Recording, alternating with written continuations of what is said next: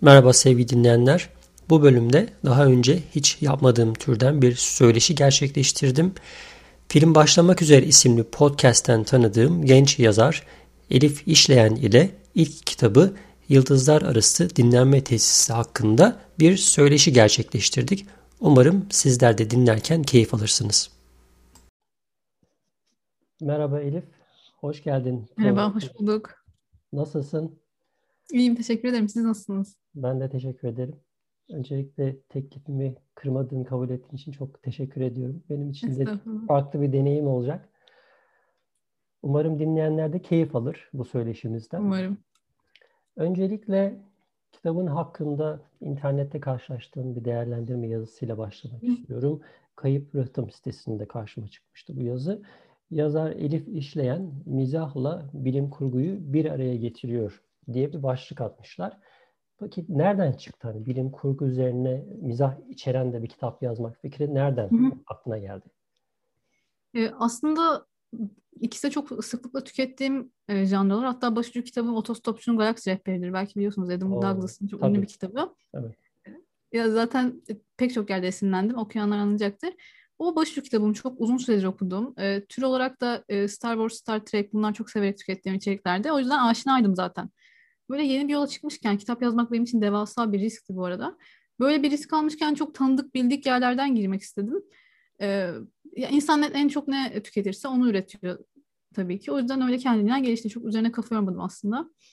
Ee, kendiliğinden çıkmış oldu. Yani hazır girmişken aslında dinleyicilerimize biraz seni de tanıtalım. Kendini Hı-hı. tanıtır mısın bize? Tanıtırım. Çok uzun sürmeyecek zaten. Ee, 22 yaşındayım. Mimar Sinan Güzel Sanatlar Üniversitesi'nde mimarlık bölümü okuyorum. E, bunun yanında da bir süredir yazıyorum. Bugün burada olma sebebim ilk romanım Yıldızlar Arası Dinlenme Tesisi. E, bu kadar söyleyebilirim genel olarak. Peki yazma serüveni nasıl başladı? Ne zamandır yazıyorsun? Neler yazıyorsun? Neler karalıyorsun? E, ya şöyle uzun zamandır yazıyorum aslında. Hep bir şekilde devam eden bir yönüydü hayatımın. Liseden beri yoğun olarak yazıyorum. Ama o zamanlar daha böyle sinema üzerine yazıyordum. Kısa öyküler, denemeler yazıyordum. Ve çok daha kendi kendime daha kişisel metinlerde aslında yazdığım şeyler. Ee, sonra üniversiteye başlayınca bu odak dağıldı. Çünkü mimarlık çok e, yoğun bir bölüm ve ona odaklanmam gerekti. O sele kapıldım. Evet. E, ama bir yandan da yazıyla alakamın tamamen kesilmesini istemiyordum. O benim e, kendimi bir yerde tutmak için yapmak zorunda olduğum bir şey gerçekten. Öyle olunca da üniversitenin ilk senesinde e, kurumsal yazarlığa başladım. Metin yazarlığı, yaratıcı içerik yazarlığı yaptım böyle staj gibi. E, o şekilde devam ettirmek istedim aslında yazarlıkla olan ilişkimi. Ee, ama o da işte çok fazla ısmarlama yazı yazmak böyle hikaye anlatmayı seven biri için çok azap verici oluyor bir süre sonra. Evet. Ee, ondan sonra da romana döndü. Sinemayla olan e, tabii ki münasebetimin de etkisi var bu karara. Böyle bir süreç. Anladım. Gerçi az önce biraz bahsettin ama okuduğun başka yazarlar, etkilendiğin başka yazarlar var mı? Ya var. Bu soruya cevap vermek için dün biraz kitaplığıma baktım. Çok kafası karışık bir kitaplığım varmış bu arada. Onu da hemen e, özel eleştiri olarak kendime not ettim. Ama sayabileceğim tabii ki bazı isimler var. Ya ben okumaya aslında okuma alışkanlığı kazanmaya Rus klasikleriyle başladım çoğu insan gibi. Ee, ama onları böyle hala bir görev gibi e, görürüm. Hani okunması gerekiyormuş gibi okuyup bitirmiştim küçükken. Evet. Ee, onlardan sonra e, sayabileceğim mesela Tanpınar'ın çok büyük bir hayranıyım. Tüm kitaplarını okumuşumdur. Hatta en son şeyini okudum. Okumayan varsa önermiş olayım. Günlüğü varmış. Hiç bilmiyordum. Günlüklerin ışığında Tanpınar'la baş başa diye. E, çok kıymetli bir derleme. Onu okudum e, yine inanılmaz yükselerek. E, onun dışında Yusuf Atılgan, Oğuz Atay, Alper Canıgöz, e, İhsan Oktayanar, e, Şule Gürbüz'ü de sayabilirim. Bunlar e, külliyatlarına çok hakim olduğum Türk yazarlar. E, mizah da çok e, sıklıkla okuyorum. Ferhan Şensoy mesela o da kitaplığında çok geniş yeri olan bir yazardır. E, yani, tabii ki tiyatrolarını da severek izledim.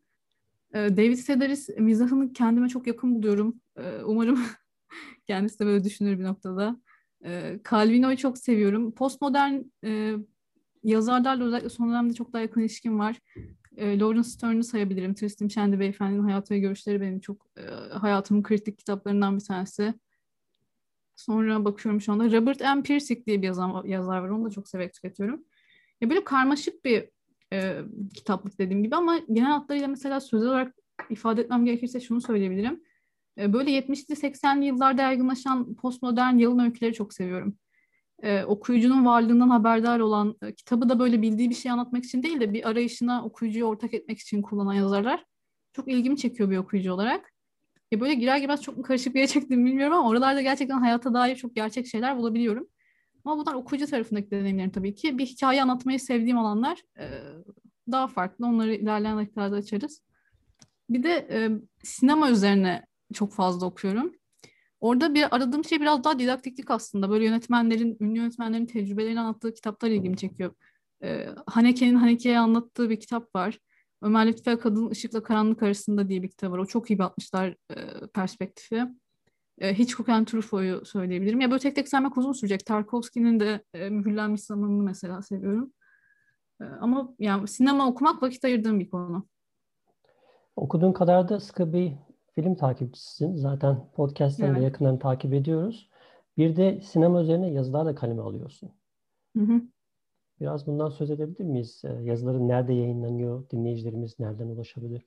Yani e, tabii ki. Yani sinemayla e, dönem dönem hatta edebiyattan daha çok ilgileniyorum. Önüne geçiyor bu. E, dediğim gibi uzun süredir. Ama yani çok profesyonel bir şey de olmadı açıkçası. Lisede böyle yazmayı seviyorum galiba. Aydınlanmasını yaşayınca başlamıştım. Ve o dönem böyle internet sitelerine çok tam da revaçta olduğu dönemde e, birkaç online dergi internet sitelerine yazdım o konuda ama o çok e, profesyonelleşemeden başka mecralara kaydı tabii ki. E, ama sinema şöyle bir, mesela ben kurumsal yazarlığa başladığımda virajı oradan almasaydım e, ilerleyecekti. Yani kurumsal bir yazarlıkta ilerlemek üzereydim. Ama hayır ya ben kendi hikayelerimi anlatmak istiyorum farkındalığını e, kazandıran şey bana sinemadır. Yani sinemayla o kadar ilgiliydim, o kadar seviyordum ki yapmak istediğim sanırım böyle bir şeyi bana e, o fark ettirdi. O yüzden ayrıca kıymetli. E, ulaşmak isteyenler için Sine Dergi'de e, bir süre yazdım. E, internet sitelerinde mandalina.com'da bulunabilir. Elif İşten yazdıklarını zaten kısaca yönelebilirler. Bir de işte podcast'te bulabilirler. E, burada film başlamak üzere diye sinema konuştuğumuz bir program yapıyorduk e, kısa bir zaman öncesine kadar. Devam etmeyi de düşünüyoruz inşallah. Bekliyoruz. Oradan ulaşabilirler. evet. Buradan kitap yazma fikrine geçelim. Yani Nasıl oldu? Birilerinin teşviki mi oldu? Kendin mi karar verdin? Nasıl başladı süreç? Ya, süreç çok ani başladı benim için. O yüzden e, o tetikleyen şeyi bulmak için de epey düşündüm aslında dün. E, mizah yapma isteği aslında bunu tetikledi diyebilirim. E, şöyle dediğim gibi metin yazarlığı yaparken, böyle ısmarlama, e, reklam yazarlığı yaparken e, komedi yazmak istiyordum o dönem ama çok böyle e, hiyerarşinin olduğu bir ortamda e, işin içinde çok fazla insan varken komedi yapılmıyor. Çok mümkün olmuyor. E, çünkü işte aklınızdaki bir şey yapmaya çalışıyorsunuz. Çok fazla e, revize geliyor. Çok fazla insan için içine giriyor. Ve son noktada o e, hayal ettiğinden çok e, farklı bir yerde bitiyor. E, bu bir sorundu. Çünkü işte komedi yapmak istiyordum. Bunu sadece kendi kendime yapabilirdim. O yüzden o, e, kendi kitabımı yazayım ve orada istediğimi yapabilirim diye düşündüm. E, böyle bir motivasyon tetikledi açıkçası. Ee, ya bir de e, her zaman işte yazmaya meyilimin olduğunu düşünüyordum. Bir noktada kariyerimin oraya evrilmesini istiyordum. Ama tam olarak buna kabil miyim? Hani böyle bir yeteneğim var mı? Onu sınamam gerekiyordu. Kendi kendime de aslında e, girdiğim bir şeydi bu. Kendimi test etmek istedim açıkçası. Yani yapabiliyorsam üzerine eğilecektim. Çok o konuda gerçekçiyimdir. Hani çok yeteneğim olmadığı bir şeyin peşinden koşmam. Bakalım yapabiliyor muyum? Yap, yaparsam çünkü daha fazla, daha ciddi bir şekilde vakit ayırabilirim. Bu motivasyonlarla başladım açıkçası. E, böyle ilk istediğim şey de hadi kitabın basılsın, hemen 20-21 yaşında kitabın basılsın gibi bir isteğim de yoktu. Olursa olur gibi rahat bir şekilde başladım. Sonra olaylar gelişti. Evet, bence gayet de güzel olmuş. Şimdi ben kitabı Teşekkür okumuş ederim. birisi olarak kitaptan böyle ufak tefek aldığım notları paylaşmak istiyorum. Hem sana sorularım var hem de dinleyicilere aktarmak istediğim Olurum. notlar. Mesela ilk aklıma gelen şey şimdi ben yurt dışında yaşıyorum malum uzunca bir süredir e, Türkçe kitap, roman tarzı veya bu tarz e, kitaplar okuyamıyordum. Bu yüzden ara verdiğim için hani kitap okumaya, Türkçe hı hı. kitap okumaya diyelim. Başta böyle biraz tereddütlüydüm. Şimdi kitap geldi Amazon'dan siparişi verdim. 300 sayfa küsür bir kitap. Dedim ya ben bu kitabı nasıl bitireceğim hani. Gözünüzde nasıl büyüdü. başlayacağım, nasıl bitireceğim falan neyse. Sonra başladım ama inanın hani nasıl böyle her gün sanki arkası yarınmış gibi sanki bir dizi film izliyormuş gibi biraz da böyle kafamda da canlandırıyorum tabii hani işin içine hikayenin içine girdikçe böyle evet. artık mahalle falan böyle zihnimde böyle belirmeye başlıyor. Evet. Hikayenin kahramanları böyle tipleri falan yüz ifadeleri sanki böyle yavaş yavaş zihnimde belirmeye başlıyor.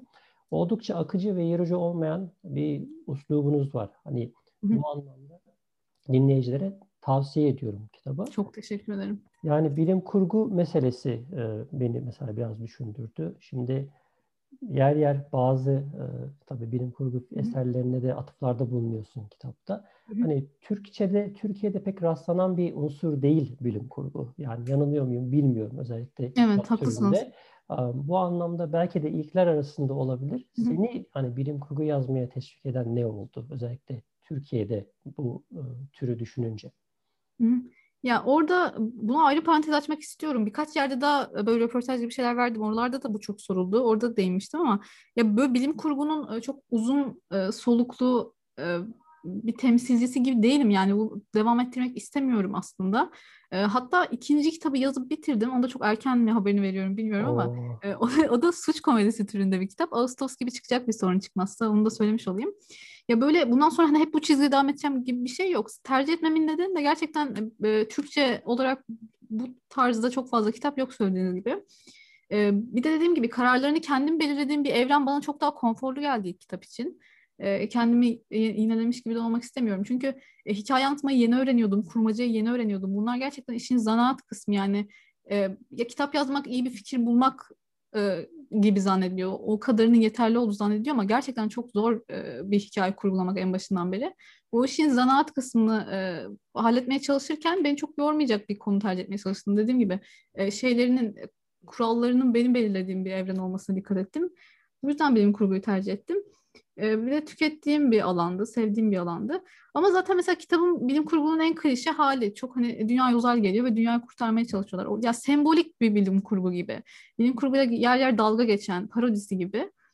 E, böyle ama or burada ilerlemek gibi bir niyetim yok söylediğim gibi. Yani üslup meselesine gelince de üslup yani e, benim çok üzerine kafa yorduğum ve e, tam olarak hani duymak istediğim şeyleri söylediğiniz kafa yorduğum bir şey olduğu için o yüzden değinmek istiyorum. Yani benim her yani yazarın bir sesi olması gerektiğiyle alakalı bir mesaim var. Ya özgün bir üslup çok önemli. Ee, yazdığım bir satır bile olsa, bir paragraf bile olsa okuyan kişi altında sizin adınız yazmasa bile onu sizin yazdığınızı anlamalı diye düşünüyorum. Bu yönetmenlik için de aynı şey. Mesela iyi bir yönetmeni e, çektiği bir plandan, bir kareden bile tanırsın. E, eğer yeterince etkinse, o kendini belli eden bir e, şey yapar. E, bu kendine ait bir dil bul- bulma meselesi önemli. Üzerinde çalışıyorum hala. Tam tersi düşünenler de var aslında. Hani yazarın hem içerikte hem biçimde e, şeffaflaşması gerektiğine inanan da var ama öylesi bana biraz arzu halcilik gibi geliyor. Gazete içeriği yazıyor gibi. Hani ruhsuz geliyor bilmiyorum. E, ve açıkçası geleceğe taşımanın da böyle özgün bir dille, özgün bir üslupla mümkün olduğuna inanıyorum. Bunlar yani sözde inanışlar tabii ki zaman gösterecek gerçeği. Ama yani buna değinmeniz de beni mutlu etti açıkçası. Sonunda teşekkür edeyim dedim. Böyle. Bence gayet güzel. O bahsettiğin özgünlük var. Hani kendine Hı. özgü ifadeler. Bir de tabii şimdi ben kendimi başka bir jenerasyondan gördüğüm için yaş itibariyle hani şu an bilmiyorum hani generation Z mi oluyorsun, X mi oluyorsun artık onu da takip edemiyorum. hani aradaki o farkı da düşününce hani arada çok büyük evet. uçurumla karşılaşır mıyım bu kitabı okurken? Neticede hmm. benden Evet benim belki, de kaygım. Evet bir 20 yaş kadar daha genç bir arkadaşın Hı. yazdığı bir kitapta acaba bana hitap edebilecek şeyler Hı. sınırlı mı olur diye bir kaygım vardı. Açıkçası öyle değil. Yani yer yer ben dedim benim yaşıma hitap eden de bizim o eski Türkiye hani mahalle mantığı, insanların bir, yere, bir arada yaşadığı o hala o sıcaklığı da verebilmiş olmam Hı. bence gerçekten hani beni de belki benim Hı. yaş grubumdaki belki benden Hı. yaşça büyük insanları da bir şekilde e, etkisi altına alacaktır diye düşünüyorum kitabın. Evet onun mahalle atmosferi sağlıyor galiba. Ben de öyle düşünüyorum. Evet, bir de burada bahsetmeden geçemeyeceğim. Ee, dinleyicilere de belki bir tavsiye niteliğinde. Ee, film başlamak üzere podcastlerinin sıkı bir takipçisi olduğum için, oradan da seni hani ses olarak tanıdığım için kitabı okurken de sade, böyle adeta sanki sen konuşuyormuşsun, sanki evet. senin sesinden dinliyormuşum gibi e, bir izlenimi de kapıldım. Hani bu dediğin özgünlüğü de yakalamanda bence önemli bir adım. Ee, umarım diğer kitaplarında da hani bundan sonraki yazın hayatında da evet. bu özgünlüğünü devam ettirebilirsin. Şimdi hazır Hı. bundan söz etmişken hani senin sesinden dinlemiş gibi olmanın e, kitabı okurken verdiği hissiyatla beraber şunu sormak istiyorum. Kitapta kendi hayatından izler var mı? E, ya muhakkak vardır. Ama yani kendimi anlattığım hikayeden tamamen soyutlamanın mümkün olduğunu da sanmıyorum açıkçası ama birebir e, kendi hayatımdan aldığım karakterler, olaylar olmadı. E, zaten böyle bir şeye de cesaret edemem sanırım. Çünkü eşim dostum okuyor yazdıklarım. Yani e, kitaptaki dayı benim gerçek hayattaki dayım olsa çok çabuk evet. fark edilir ve dayımın yüzüne bakamam bir noktadan sonra. Öyle hoş olmaz gibi düşünüyorum. E, her şey bir kurgu filtresinden getirildi ama çok minor şeyleri tabii ki almışımdır. Mesela bir iki yıllık ajans tecrübem olduğu için o Fulya'nın içinde bulunduğu iş hayatını oradan devşirdim. Ama aile falan çok karikatür yani e, babam esnaflıkla alakası yoktur. Son derece entelektüel okuyan yazan bir adam. E, kendisi de yazar hatta. E, öyle şeyleri genellikle e, bir sıcak bir atmosfer oluşturabilmek adına e, kurguladım tabii ki ama dediğim gibi hiç farkında olmadan aldığım çok minor şeyler vardır. E, Fulya daha çok üzerine konuşulabilecek belki benim hayatımla alakalı bir karakter. E, o da şöyle onu da cevaplamış olayım. Fulya karakterin başından beri çok evrildi. E, şöyle ben en başta kendimin e, bu konuda çok garip bir şeyim var. E, kendimin kurgusal bir versiyonu e, olan bir karakter yaratıp onunla günlükler yazıyorum. E, çok uzun zamandır. E, yayınlanmayan bir ilk kitabım var. Bu Yıldızlar Arası Dinlenme Tesisini yazmadan önce bir kitap daha yazdım. Daha ince bir kitaptı. E, o hiçbir yerden e, kabul almadığı için hiç kimse görmedi. E, onu yazmak için aslında bu karakteri kullandım. O kendimin kurgusal versiyonunu kullandım. Ve günlüklerdeki olaylardan yola çıktım. E, ve o karakter, o ana karakter bana çok benziyordu. Ama daha sonra kitap çöp olunca yani yepyeni bir kitap yazmam gerektiğinde e, bu Yıldızlar Arası'nı yazarken e, o karakteri biraz eğip büküp Fulya adıyla yeni bir maceraya çıkardım. E, yani kaynağı temelde benim ama dediğim gibi üzerinde çok oynandığı, çok revize edildiği için e, son tahlilde vardığı yer benden bayağı uzak. E, bunu söyleyebilirim. Yani Fulya benim çok daha dizginlemediğim, çok daha cüretkar bir halim. E, bir sahne personası gibi görüyorum. Bir alter egom gibi. Çünkü mesela günlük hayatta aklıma gelip de Allah'ım hani medeni bir hayatta yaşıyoruz bunu da söylemeyeyim e, dediğim şeyleri söyletiyorum. Zaten uzun monologların iç konuşmaların olduğu bir kitap. Evet. Fulya'ya göre daha sakin ve ölçülü bir insanım. Daha doğrusu öyle olduğunu sanıyorum. İnşallah öyledir. Onu çevredekilere sormak gerek. Böyle Fulya'yla olan ilişkimde. Yani Fulya'dan söz etmişken mesela hani sadece Fulya'nın ağzından dinliyormuş gibi değil de olaylara detaycı bakışınız mesela. Hani bir hadiseyi anlatırken Hı. betimleme kabiliyetiniz veya Fulya'nın neredeyse paragraf uzunluğundaki iç sesleri mesela Hı. benim çok ilgimi şey. Gerçek hayatta da böyle misiniz mesela böyle bir yutkunduğunuz zaman içinizden böyle bir paragraf uzunluğunda düşünceler akıp gidiyor mu? E, ya öyleymişim. Aslında şöyle oldu ya ben bu kitabı çok cebimden harcadım. Yani 22 yıl boyunca aslında bir şeyler hakkındaki düşüncelerimi, serzenişlerimi, biriktirdiğim şeyleri e, böyle akıttığım bir kitap oldu. Ama mesela ilk kitabı yazdıktan sonra fark ettim ki böyle e, yeni kitaba başlamadan önce 2-3 aylık durağan bir zamanım oldu benim. Yani bundan sonra ne yapacağım diye oturup düşündüm. E, çok aksiyon almadım. Orada e, orada göz, gözlem meselesini daha e, derinine inerek düşünme fırsatım oldu çok farkında olmadan bir refleks gibi yapıyormuşum bu gözlem işini ama artık daha kontrollü bir şekilde ya böyle kalabalık bir ortama girdiğimde e, neredeyse not al- alarak e, insanları izlemediğimi fark ettim. E, günlük hayatta biraz detaycıyım sanırım ama dediğim gibi kendim de hani yeni yeni fark ediyorum böyle şeyleri yazarken fark ediyorum. E, bir de yani çok farklı ortamlara girip çıkma imkanım oldu çok e, uzun zamandan beri. İşte erken işte iş hayatına başlamak, okul, aile gibi e, çok farklı türlerde, tarzlarda ortamlara girip çıkma imkanım oldu. Bunlar da etkili oluyordur o, o farklı detayları bir araya getirmede. Bu şekilde. Evet, bölüm adları da mesela çok ilginç. Evet. Birkaç tanesini burada söylemek istiyorum. Allah diye miyavlayan kedi videosu. Ateş, su, toprak, bor. Evet. Kalpten kalbe giden bir yol varsa sarmadır türünden. Mesela bunlar o anda gelişen şeyler mi yoksa bölümü yazdıktan sonra aklınıza gelen güzel bir e, bölüm adı şeklinde mi ortaya çıktı? Ya bir şeyleri isimlendirme konusunda pek iyi değilim. Mesela kitabın e, kitabın adıyla alakalı da o konuda şeylerim var. E, birkaç pişmanlığım var. Çok uzun olduğunu düşünüyorum mesela. Bu kadar uzun olmayabilirmiş. Bu bölüm isimleri mevzusu da şöyle gelişti. E, ya genelde anlık gelişiyor. Çok e, şey de yapmıyorum. Mesela kitabı yazıp bitirdim. Hadi bir ay boyunca başlık düşüneyim gibi bir şey olmuyor. O an aklıma gelirse e, onu yazıyorum. Bölüm adları da öyle gelişti. E, tabii kitabın temasıyla, genel havasıyla uyumlu olması adına öyle bir tercih yaptık. Hani biraz daha e, absürt komedi zaten. E, böyle bir isimlendirme yaptık. Hepsi de çok anlık gelişti, anlık çıktı. Referansların şarkı sözlerinden çoğu devşirilmiştir mesela. Hani Tarkan şarkısının bile e, değiştirilmiş parodi hali var isimlerde. Böyle e, hep bir yerlerden devşirdiğim isimler. Evet, bu soruyu da sormadan geçemeyeceğim. Kayseri ile, Kayseri ile alıp veremediğin nedir? ya hiç alıp veremedim yok.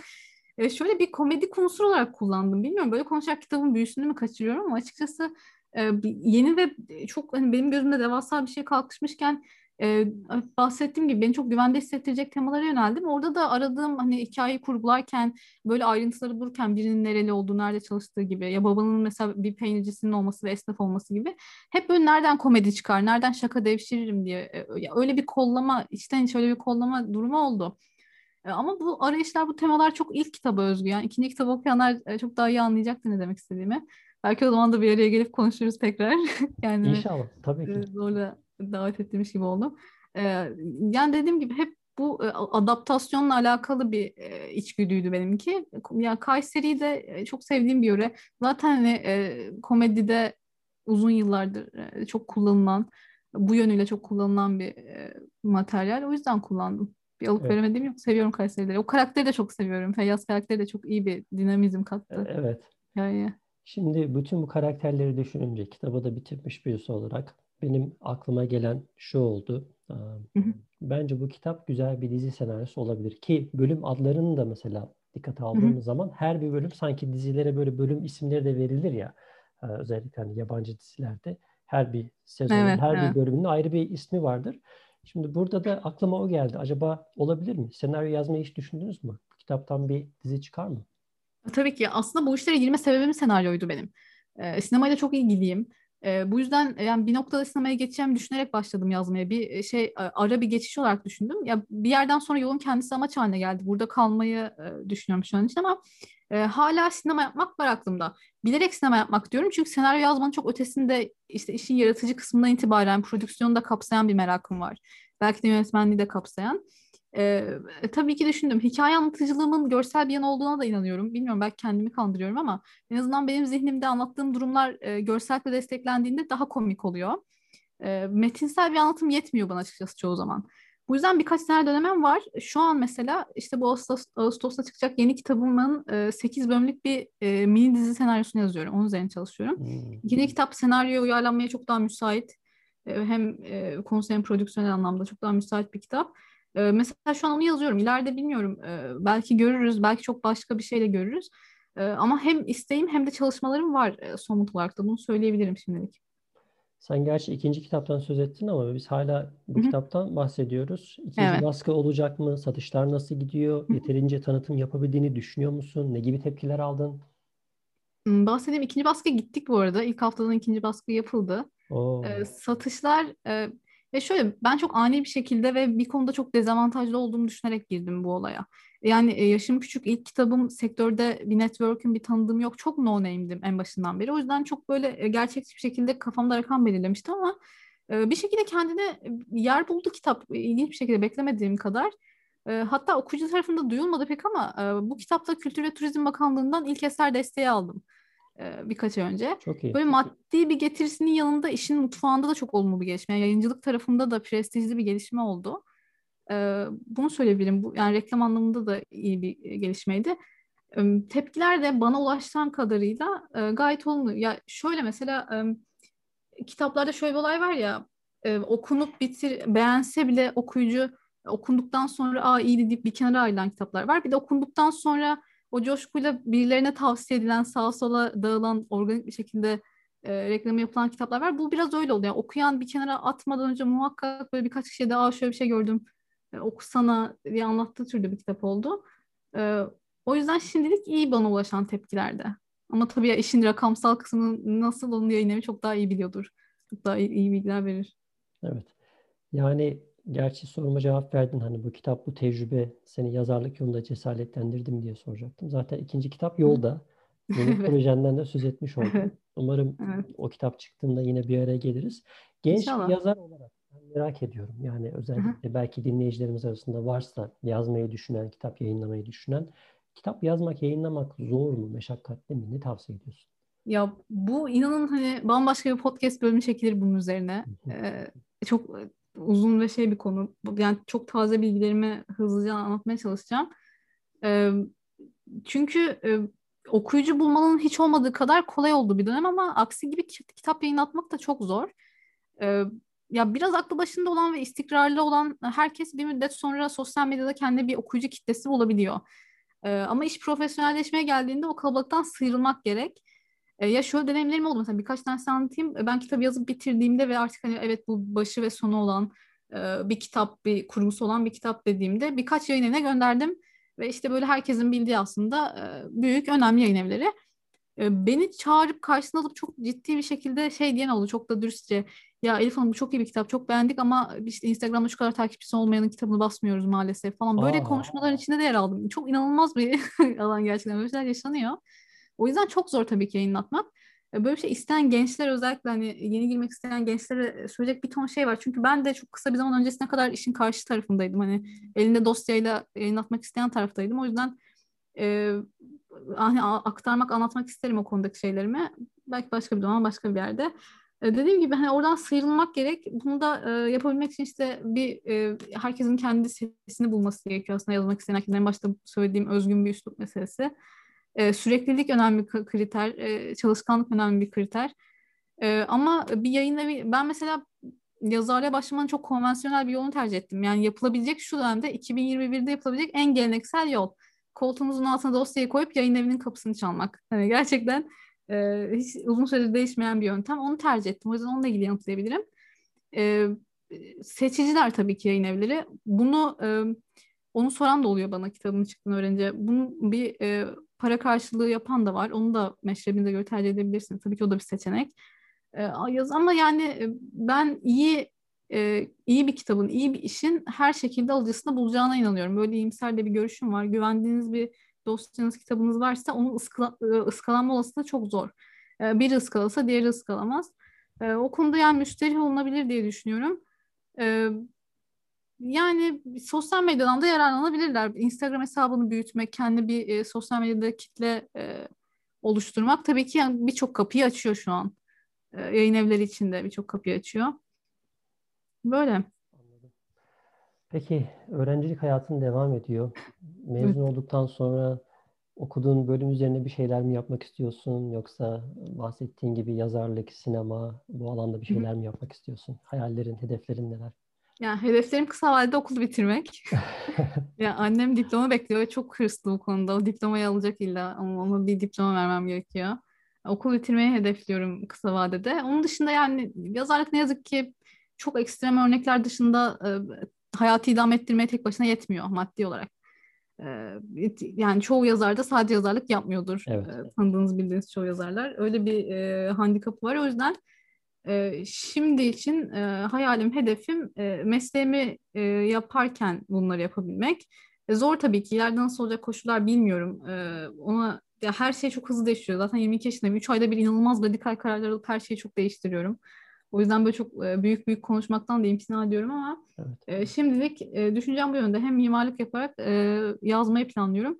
Ama e, yani senaryo, yani sinema ve e, edebiyat alanında çok yol kat edip artık hani bu benim tüm mesaim oldu. E, yetiremiyorum bunu başka bir şeyin yanında yaparak e, full mesai burada olmam gerekiyor dersem e, tercih edeceğim şey hadi yazarlık olur. İkisi arasında bir seçim yapmam gerekirse yazarlığı tercih ederim diyebilirim şimdi. E, böyle de iddialı bir şey söyledim ama maalesef yazarlığı çok daha seviyorum.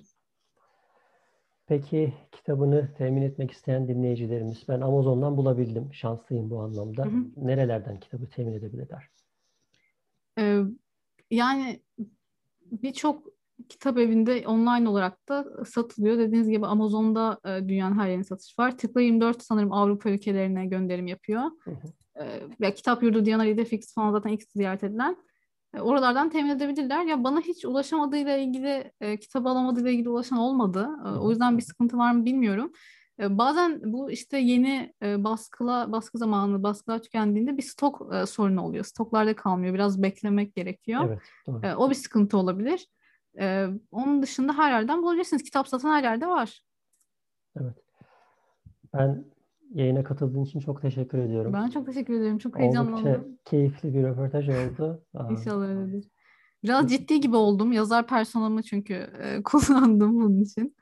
Ciddi Bence ciddi çok cevap keyifli oldu. Aa, Ben de- Umarım ikinci kitabın çıktığında tekrar bir araya geliriz. Bu yazarlık Umarım. serüveninde, hayat maceranda, önünde Hı. belki çok uzun yıllar var bu anlamda. Hem başarılar diliyorum hem de hayallerine ulaşabilmeyi, istediğin, arzu ettiğin yere gelebilmeni diliyorum. Tekrar çok teşekkür ediyorum Çok için. teşekkürler. Davet ettiğiniz için ben teşekkür ederim. Çok keyifliydi. Rica ederim.